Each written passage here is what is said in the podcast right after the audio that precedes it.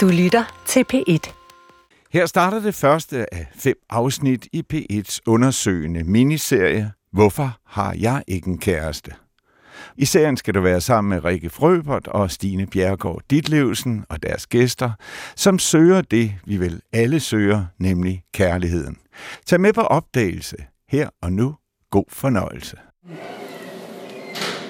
Okay, jeg er på den her date. Jeg er lige gået lidt væk. Vi sidder nede ved kanalen på Christianshavn og drikker øl. Øhm, han er egentlig meget sød. Og så sådan hæfter jeg mig med sådan nogle ting med, at da jeg kom, så havde jeg sådan købt sådan en lukket øl i Fakta, som jeg skulle sådan sidde og drikke, og det er jo ikke sådan, altså det er jo lige meget, at hvad det er, det er jo ikke noget med det at være noget, der koster osv. osv. Men det var sådan, ej, en lunken øl. Sådan, kunne du ikke bare gøre det sådan lidt mere umage? Øhm.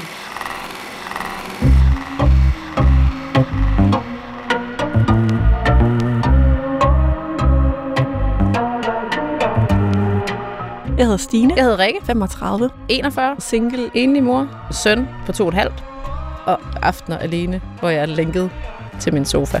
Nogle gange så kan jeg sådan vågne op midt om natten og bare blive sådan fuldstændig stresset over, at jeg ikke har en kæreste. Og jeg slet ikke kan se for mig, at det kommer til at ske. Jeg har haft rigtig søde kærester. Og søde, gode, forkerte, men øh, rigtig. Jeg har på en eller anden måde haft svært ved at holde fast. Jeg har haft nogle kortere forhold, men jeg har ikke haft en kæreste i 10 år. Jeg fatter simpelthen ikke, hvorfor sådan en sød pige som dig ikke har en Hvor har en kæreste. sød pige som dig ikke en kæreste? Hvor er din mand henne? Jamen Stine, hun får vildt mange tilbud. Hun er bare for Der kredsen. er ikke nogen, der var alene dengang vi var unge. Men du har jo altid muligheden for at få frosset din æg ned. Jeg kender Stine fra nogle fælles venner.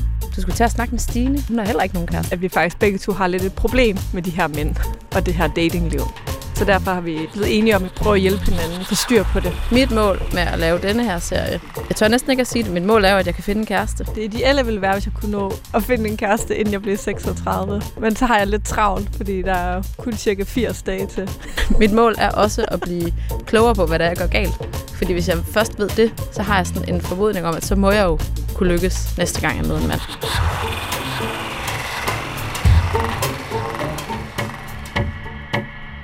Så starter det. Vi har taget fem uger ud af vores liv for at prøve at finde ud af, hvorfor vi ikke har en kæreste. Og øh, måske endda nå at finde en. I løbet af den her serie, der vil vi optage dagbog for vores single-liv, og så vil vi afspille det for nogle eksperter, som så skal give et bud på, hvor det er, vi spænder ben for os selv, og hjælpe os til, hvad vi kan gøre bedre, hvis vi gerne vil finde en kæreste. Og det er vi enige om, at det er det, vi gerne vil, ikke? Jo, jeg vil, jeg, jeg vil i hvert fald gerne. Jeg er ret træt af at være en af de eneste singler i min omgangskreds. Jeg synes, det kan være sådan lidt hårdt, det der med at stå alene. Ja. Det kender jeg så godt nogle gange. Jeg synes nogle gange, det kan føles som om, alle andre har kærester, og alle andre kan finde ud af det. Ja, det er sådan føles det, men jeg har faktisk lige googlet det, og der er altså cirka 1,6 millioner singler i Danmark. Så der er altså andre end os, der ikke kan finde ud af det. Hvorfor tror du ikke, du har en kæreste? Øh, Jeg får jo tit at vide, at jeg er for kredsen, men altså, jeg synes også, at krav er vigtige. Hmm. Hva- hvad skal han kunne, ham du drømmer om?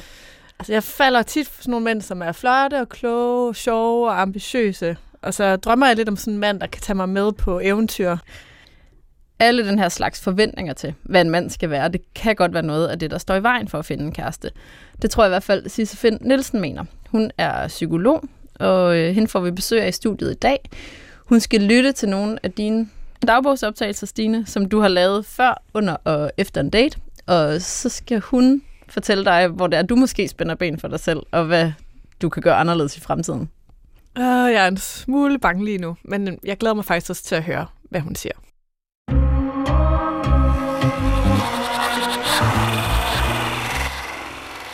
Så nu har vi fået besøg af psykolog Sisse Finn Nielsen. Velkommen til dig, Sisse.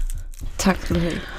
Og jeg har set dig i Gift ved første blik, hvor at du rådgiver par, som har det lidt på samme måde som Stine. I hvert fald det, jeg har set. Der snakker du meget om det her med at være lidt for kritisk. Så derfor så tænker jeg, at du måske kunne hjælpe Stine til, hvordan hun kan komme ud af sin øh, fejlfinder-mode, som hun siger, der er, når hun dater folk. Jeg var jo på en date her for nylig, og øhm, ja, det er altså lidt en kompliceret affære for mig, det der med at gå på date. Og øhm, nu skal I høre, hvordan det lød, lige inden jeg skulle møde ham. Det er fredag eftermiddag, og jeg er på vej på en date. Jeg har lige fået fri på arbejde og skal mødes med en, øhm, en fyr nede på øh, Christianshavn og drikke nogle øl. Og øh, jeg er faktisk lidt tænkt på den.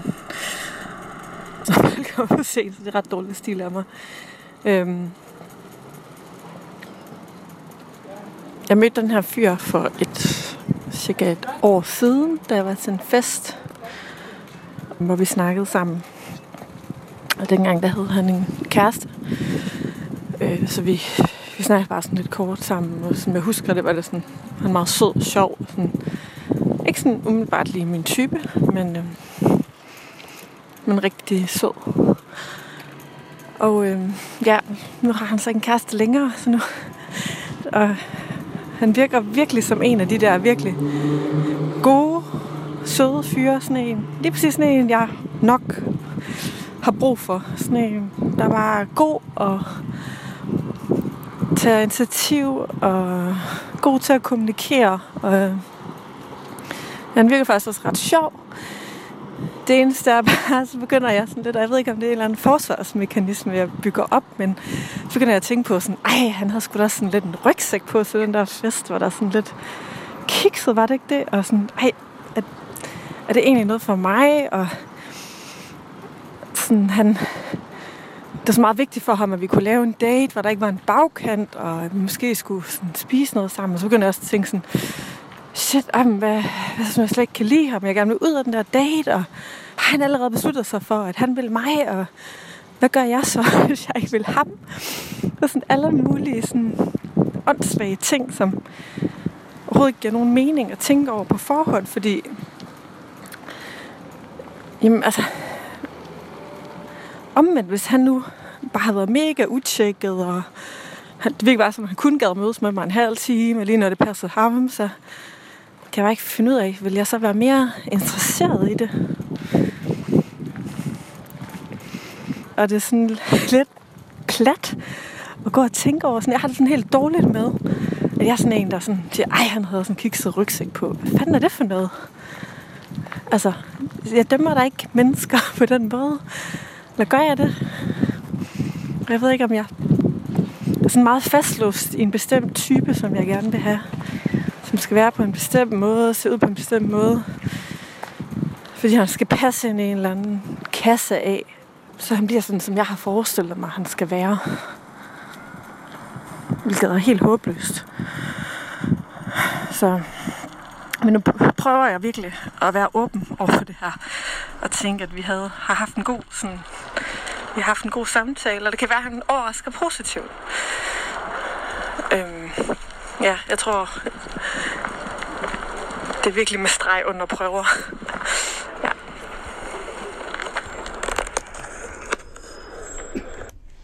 Okay, Cicero, hvad er det, der sker inde i hendes hoved? Det er meget interessant. Det er helt tydeligt, at du er på vej ud på en date med en, som du beskriver som øh, ikke er din drømmefyr, altså ikke er det, du drømmer ja. om. Øh, og så hæfter jeg mig ved, at du siger, øh, det her det, det er sådan en virkelig god fyr, en sød fyr. Faktisk sådan en, som jeg har brug for. Og det, det var, synes jeg, lidt ejendomligt, det her, den her sådan rettighedstænkning. Altså, jeg har brug for noget her. Du siger ikke, gud ved, hvem han er. Altså, der er ikke den der nysgerrighed, men, men sådan, det her, jeg er ude og lede efter noget, jeg har brug for. Øhm, og så, så kommer al den her tvivl, og alle forholdsreglerne, og alle indvendingerne. Og, ej, han er også mega kikset, og han, har, han havde ikke en rygsæk på, og ej, så er han nok ikke noget for mig. Og, så, så du går sådan og taler ham ned. Øhm, men samtidig taler du også lidt dig selv ned, fordi det du siger, det er, jamen hvis nu han var utjekket og uinteresseret, så ville jeg måske være interesseret i ham. Ej, hvor, hvor er jeg sådan en plat type, der går og stempler mennesker. Og jeg er sådan, ej, jeg er fastlåst omkring de her mænd, som skal leve op til nogle særlige idealer, jeg har sat. Så man kan sige, du, du taler også dig selv lidt ned og skælder dig selv ud for at have de tanker, du mm. har, mens du er på vej hen til den her date. Og er sådan lidt kritisk over for dig selv, at du man kunne godt sige, tænder egentlig på dårlig behandling. Ikke? Det kan du godt se, ikke? Ja, måske ja. ikke er så smart. Og så slutligt ender du med at sige, ah, okay, altså måske overrasker han positivt. Og så siger du, det er virkelig med streg under, at jeg prøver den her. Og jeg tænker, at du har jo ekstremt lave forventninger. Altså, ja. det her, det, det er ikke en kvinde, som er på vej ud og leve livet. det er en kvinde, som er i færd med at overleve. Ja. Øh, øh, og du tror ikke engang selv på det. Øh, så jeg fik tanken om, altså, hvorfor i alverden tager hun overhovedet afsted? Hvad, hvad er det, der gør, at hun har lyst til det her? Så umiddelbart synes jeg, der er lagt i orden til en fiasko. Ja, det kan jeg også godt høre, når jeg hører det igen, at jeg jo egentlig bare jeg prøver virkelig at overtale mig selv ja. til det her. Det er ikke, fordi jeg sådan virkelig har lyst til det egentlig. Det, det lyder ikke, Nej. som om du er særlig begejstret, eller, eller for den sags skyld bare vandrer ud i livet og sætter, øh, hvad kan man sige, næsen i sporet og siger, lad, lad os se, hvad der mm. sker. Ja. Jeg tror i hvert fald, både på den her date og også på andre dates, så det er faktisk en meget, sådan, det er en meget stressende proces for mig. Ja, det må være enormt stressende. Ja. ja. Og det handler også meget om, jeg tror, hvis jeg var 10 år yngre, så ville jeg slet ikke være gået på den her type date. Nej. Det, det er en mulighed, men måske øh, er det sådan, at for dit vedkommende med den alder, du har, så er det bare det indhold, din tænkning går på. Altså, det er ved at være for sent løbet mm. kørt. Nu, nu skal jeg til at have børn. Øhm, så, hvad kan man sige, tankeindholdet for dit vedkommende handler om, jeg er sent ude nu. Hvor jeg tror, at yngre kvinder faktisk, eller mænd for den sags skyld, har nøjagtigt den samme proces kørende. Indholdet af, hvad de går og tænker på, er bare noget andet. Mm. Det kan mm. være, jamen er jeg pæn nok, eller har jeg store nok bryster, eller jeg ligner jeg dem der fra Paradise Hotel, eller ja. hvad hvis ikke han synes, øh, jeg ligner en. Så jeg tror egentlig ikke, der er den store forskel i den proces, I har gang i, men de temaer, I går og snakker med jer selv om, er forskellige. Ja, det giver god mening. Men det, jeg bare hører andre sige, det er sådan, om du ved jo aldrig, og gå nu ud på de her øh, Tinder-dates, så vær nu lidt mere åben. Og lige pludselig så står han der måske, men hvis du ikke gør noget, så møder du ham jo ikke. Så altså, har jeg egentlig noget valg? Skal jeg ikke ud på de her dates, eller hvordan? Jo, hvis du gerne vil møde øh, mand i dit liv, så skal du jo ud på date, men du kunne måske gå på et date på en anden måde. Fordi det lyder som om, at den måde, du går på date på, at den er ret ubehageligt, fordi du netop går og taler med dig selv på en måde, så, så du taler det hele ned på forhånd, mm. og du stresser dig selv. Så man kan sige, du, på en måde så går du på date med håndbremsen trukket. Altså, i stedet for bare at være i det og se, hvad der sker, det er tankemyldet om daten, der mm. gør, at det bliver en ubehagelig date for mm. dig, mere end det daten. Så måske kunne det blive en god oplevelse, hvis vi sorterede den del fra. Mm. Ja. Ja, men det jeg tror måske, du har ret i, for nu vil jeg gerne lige spille noget, hvor jeg er på daten, hvor jeg ligesom er gået på toilettet, Okay, jeg er på den her date. Jeg er lige gået lidt væk. Vi sidder nede ved kanalen på Christianshavn og drikker øl. Øhm. Altså. Det er igen den her situation, hvor jeg skal tage mig i, ikke hele tiden analysere på det, og sådan blive sådan meget, puh, egentlig så bare mest lyst til at tage hjem. Og jeg ved ikke helt hvorfor, altså fordi han er egentlig meget sød, og så sådan hæfter jeg mig med sådan nogle ting med, at da jeg kom, så havde jeg sådan købt sådan en lukket øl i Fakta, som jeg skulle sådan sidde og drikke, og det er jo ikke sådan, altså det er jo lige meget, at hvad det er, det er jo ikke noget med det, at være noget, der koster og så videre, og så videre, men det var sådan, ej, en lunken øl. Sådan, kan du ikke bare gøre det sådan lidt mere umage? Og sådan føler jeg sådan, at det er mig, der sådan skal tage sådan charge på, sådan, hey, hvad skal der ske nu? Og Øh, det ved jeg ikke. Det var, jeg var rigtig dårlig til sådan en type situation. Jeg var bedre til, at man ligesom er den der får tingene til at ske, og det er sådan noget, burde man nok ikke sige sådan nogle ligestillingstider. Um. Nu har jeg været og købe fire øl til os. Nu drikker vi lige dem, og så giver jeg det lige den tid, det tager. Fire kolde øl, i øvrigt. så øh, tager man lidt sammen og, og prøver lige at arbejder lidt med mit problem med, at jeg hele tiden skal prøve at finde fejl konstant. Så øh, ja, nu, øh, nu giver jeg den lige en, giver jeg lige en chance. Nu prøver jeg. Øh, og se, hvad der sker. Så er jeg igen ved at overbevise mig selv om, at øh, nu skal jeg lige tage mig lidt sammen på den her date. Hmm. Kan jeg høre? Og det, altså det, det, det er mega flot, synes jeg, at, sådan, at jeg hæfter mig med den her lunkne øl. Øhm, altså jeg oplever i hvert fald meget det der med, i hvert fald på den her date, men også på andre dates, jeg sammen med, har jeg hele tiden sådan et, øh, et øh, metalag kørende, sådan et kommentarspor kørende, og det kan også være faktisk, når jeg er på en god date, så handler det måske mere om mig selv, så sådan, synes han nu, jeg er lækker, eller synes han nu, jeg er interessant. Her der handlede det mere om ham, fordi jeg var usikker på ham. Ja, og det, det er faktisk lidt sjovt, fordi man kunne vente om at sige, hvis du ved, det er en dårlig date, altså hvis mm. du er så god til at opsnappe de her ting, hvorfor så gå og snakke med dig selv om det? Du ved det allerede.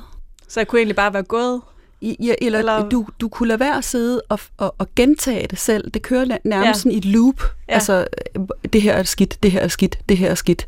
Og, og hvorfor ikke bare sige, nu sidder vi her en time i solen, og på de præmisser, som de nu engang er. Mm. Det, det er lidt sjovt. På et tidspunkt, så siger du, hæftet med, at det er også lidt irriterende, at det er sådan, øh, er mig, der ligesom skal tage charge over situationen. Ja. Øh, du, har, du har så præcise og detaljerede forestillinger om, ja. hvordan han skal opføre sig, at det næsten er usandsynligt, at han rammer rigtigt. Ja. Eller at nogen mand nogensinde rammer rigtigt. Øhm, og jeg, jeg kommer også til at tænke på, om du egentlig overhovedet vil opdage det, hvis der skete noget, som måske kunne være rart for dig, fordi du, ja. du har ligesom bygget det hele op med, hvordan det perfekte, den perfekte mand skal være. Men er det ikke et rimeligt krav? Det er i hvert fald meget tidstypisk, og, og man kan sige, jo, selvfølgelig er det helt okay, at vi har nogle drømme og nogle ambitioner. Problem, Eller krav til, hvem vi gerne vil være sammen med. Helt sikkert, helt sikkert. Det, det er der ikke noget i vejen for. Det kan bare være svært overhovedet at opsnappe, om man nogensinde mm. møder det, hvis man konstant øh, og benchmarker op imod de krav, man har. For det kan gøre, at man slet ikke ser, hvad ja. der bliver sagt, eller hører, hører hvad han, ham her mm. siger til dig. Altså, jeg kunne godt være i tvivl, om du egentlig anede, hvilken øjenfarve han havde, efter I var gået hjem. Ja, fordi du siger det meget huske. fint. Jeg er så meget op i, op i mit, ja. mit eget hoved. Jeg tror også det der med, at det er meget sjovt, du siger det her, for jeg tror også, at fordi jeg har så meget kørende hele tiden, så er det ja. måske også, fordi jeg bare drømmer om, der kommer den her mand, som bare tager det her væk fra mig, så jeg ikke skal tænke alle de her ting, og jeg ikke skal få tingene til at ske. Jeg ikke skal arrangere. Så det er også med det, jeg tror, der ligger i det, at jeg drømmer om en mand, som tager styring, at det der med sådan befrier befrier mig lidt for mig selv, eller giver det ja, mening? Det, det kan du tro giver mening. Jeg ved lige nøjagtigt, hvad det er, du, hvad ja. du snakker om. Ja, men øhm, heldigvis kan man sige, øh, så skete der faktisk noget på den her date, som alligevel gjorde, at det tog lidt en drejning. Så det prøver jeg lidt at spille her. Ja. Okay, jeg er lige kommet hjem for det, som var en virkelig, virkelig, virkelig mærkelig aften på mange måder. Altså, hvor der sker det, at jeg kan mærke, at han synes, jeg er nice, eller det får jeg i hvert fald konkluderet i mit hoved. Det er ret tydeligt, at han gerne vil fortsætte daten, og jeg er meget sådan, jeg skal også til hjem nu, fordi at, øhm, ja, det er også blevet lidt koldt og sådan noget. Og han virker sådan lidt skuffet, og sådan, da vi så går hen mod cyklerne, så siger han bare sådan, ej, jeg er virkelig glad for at have mødt dig, jeg kunne men det virker som om, at du faktisk indeholder meget mere, end du viser her. Og så får jeg bare sådan lidt sådan en, en klump i halsen, og sådan, det er lige før jeg er sådan lidt ved at græde næsten, fordi jeg får det bare sådan, her har du på en måde gennemskuddet mig lidt, og jeg får det bare sådan rigtig dårligt over mig selv. Virkelig. Så da vi er helt hen med cyklen, så ender jeg bare med at fortælle ham det hele, og siger bare sådan, prøver jeg er i gang med at lave den her det her radioprogram, og øh, der handler om, at jeg faktisk ikke kan finde ud af det her kærlighedsliv, jeg kan ikke finde ud af at date, jeg fortæller ham sådan en hel masse ting om mig selv, og faktisk ret åben og ærlig omkring det hele, og han vil sige, kom, skal vi ikke gå og spise noget mad, og så går vi derover, og så får vi egentlig en sindssygt god snak, hvor jeg fortæller en masse ting om mig selv, han fortæller også en masse ting om sig selv, om sit sådan, kærlighedsliv, og og han siger sådan, jeg kan, altså, jeg kan meget bedre lide dig nu, hvor du har sagt alle de her ting. Og jeg kan jo også meget bedre lide mig selv, efter jeg har sagt alle de her ting.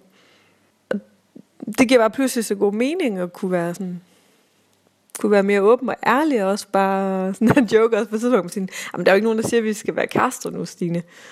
Altså, fordi jeg er på en date med, med manden, så det er jo ikke ens med, at vi skal være kærester i morgen, og øhm, så ja, så det ender faktisk med at blive en skide god aften. Jeg tror egentlig, begge to vi har det sådan lidt, okay, vi er faktisk bare monster forskellige og så. Vi er nok ikke de to, der ender med at blive kærester. Men, men det har bare været en god aften.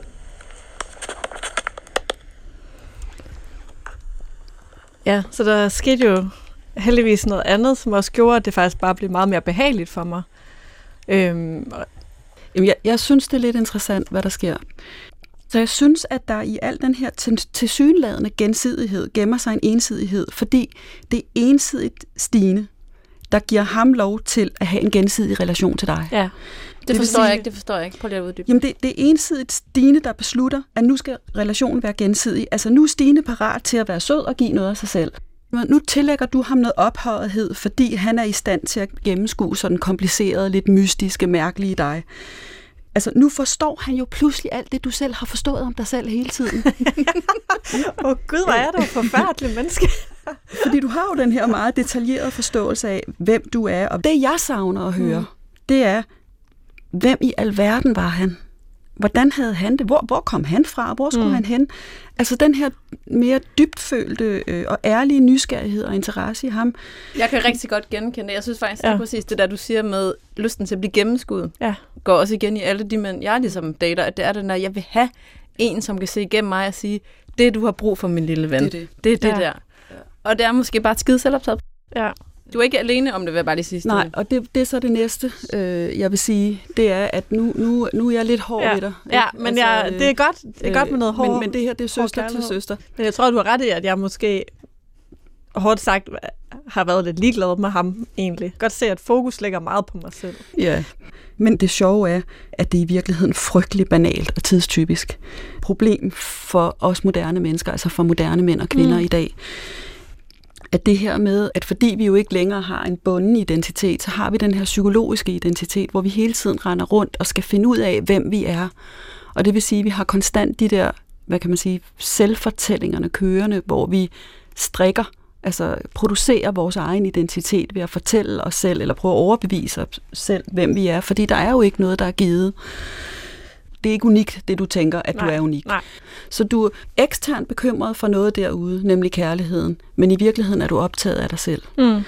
Og mindreading har jo aldrig været et, et godt middel til at lære noget som helst at kende. Så må vi jo rette vores opmærksomhed derud og begynde at smage på det og, og prøve det mm. og se, om det er noget, vi kan lide.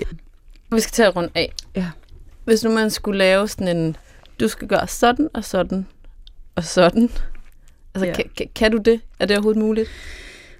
Øh, altså, vi kan godt lave nogle overskrifter. Ja. Øhm, alt det der indre selvopmærksomhed, det gør det svært for dig at være i nuet. Faktisk forpasser du adgangspunktet til nuet, fordi du hele tiden sidder ude i fremtiden, eller øh, er et andet sted. Så, så du kommer ikke derhen, hvor du gerne vil være. Og vi er rigtig dårlige til at multitaske med vores opmærksomhed. Når vi er oppe i hovedet, kan vi ikke være til stede i nuet. Men hvordan gør man det? Kan man slukke for sine tanker? Eller, altså? Nej, men man kan godt lade være at hoppe på dem. Altså, ja. man, altså, for eksempel, mens vi sidder her og snakker, så har vi jo også lige pludselig så bliver vi ramt af et eller andet hov, ah, det klør i ballen, eller mm. et eller andet. Men det betyder jo ikke, at vi reagerer på det. Mm. Eller det kan være, at det slår os. Gud, jeg har glemt noget, jeg har glemt det, jeg skulle ringe. Men det betyder jo ikke, at vi tjekker mentalt ud fra vores samtale. Så, okay. så, så lader vi mm. den tanke være, ja. så ja. engagerer vi os i det, vi har gang i. Så det, kan, det, det er en disciplin, man kan lære. Og så tænker jeg også, at jeg tror, det er vigtigt, at alt det her, der er alt det her, du gerne vil finde svar på. Hvem er jeg, og hvordan finder jeg den rigtige, og hvordan bliver vi lykkelige, og øh, formentlig både med mænd, men også, hvad er det for et liv, du lever, og hvordan spiser du, og hvordan skal det være, hvordan skal det se ud, hvilke film ser du, og hvilke aviser læser du, og hvordan skal I bo, og hvordan skal din ferie være i fremtiden, og hvor køber du din, hvilke rejsebureau booker du ferie i. At alle de spørgsmål, du prøver at finde løsning på, måske er løsningen ikke at finde svaret. Måske er svaret at stoppe med at stille alle de spørgsmål. Mm. Det var et godt råd. Det var et godt råd, ja. Det kan godt være, at vi ikke kan skaffe dig den fantastiske drømmemand her nu, men vi kan gøre noget med, at du ikke har det så dårligt med, at du ikke møder ham. At du ikke har det så dårligt, når du er på date. God Tusind pointe. tak, fordi at du vil komme. Sisse Finn Nielsen, som er psykolog, og som vi havde hævet ind for at gøre Stine lidt klogere på sig selv. Det tror jeg, hun er blevet. Tusind tak for hjælpen. Tak. Og øh, Stine, jeg har, øh, altså, jeg har fandme nærmest ondt af dig. Jeg synes virkelig, det var, øh, det var nogle sandheder. Det må man sige. Hvad, er du, øh, jeg, er helt, jeg er sådan helt færdig. Er du ked af det? Nej, det er jeg ikke. Jeg synes, det var meget befriende faktisk at få, øh, få lidt sandhed på bordet. Hvad blev du mest mærke af, at hun sagde? Altså, helt det der med at overtænke og det har jeg sådan længe været på at overtænke. Det har jeg længe vidst, at jeg gjorde. øh, jeg synes, det giver rigtig god mening, at man kan prøve at lægge det fra sig. Det tror jeg bliver svært for mig, men jeg, jeg, jeg kan helt sikkert prøve at gøre noget aktivt for det. Men det, der sådan overraskede mig mest, det var det der med, at jeg egentlig var sådan ret selvoptaget i hele det her. For jeg havde jo egentlig tænkt meget sådan, gud, ej, det var totalt breakthrough, jeg havde med den her mand. Og egentlig så var det bare stadigvæk sådan, nå okay, den var totalt kun om mig. Og jeg kan godt se det nu sådan, jamen jeg var egentlig ligeglad med ham. Det var bare fedt, at han fik dig til at føle ja et eller andet. Og jeg synes også, det er dejligt, at hun sagde, at jeg måske også kan prøve at stole lidt mere på mig selv, hvis jeg faktisk ikke føler dem. Det er faktisk det er egentlig okay. Mm. I stedet for, at man skal prøve at pumpe noget ind i det, som ikke rigtig er der, og så bare tage det for, hvad det er. Så det der med, at man faktisk godt må stole på sin mavefornemmelse. Ja, ja. lige præcis.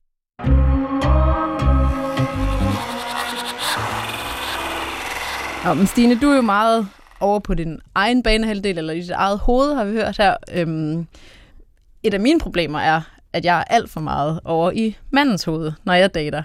Jeg er fuldstændig besat af, hvad han tænker om mig, og hvorfor han ikke svarer tilbage, og hvad jeg skal skrive i min sms for, at han skal synes, jeg er interessant og sådan noget, og det kører rundt i hovedet på mig. Og det finder jeg en ekspert, der kan sige noget fornuftigt om i næste program.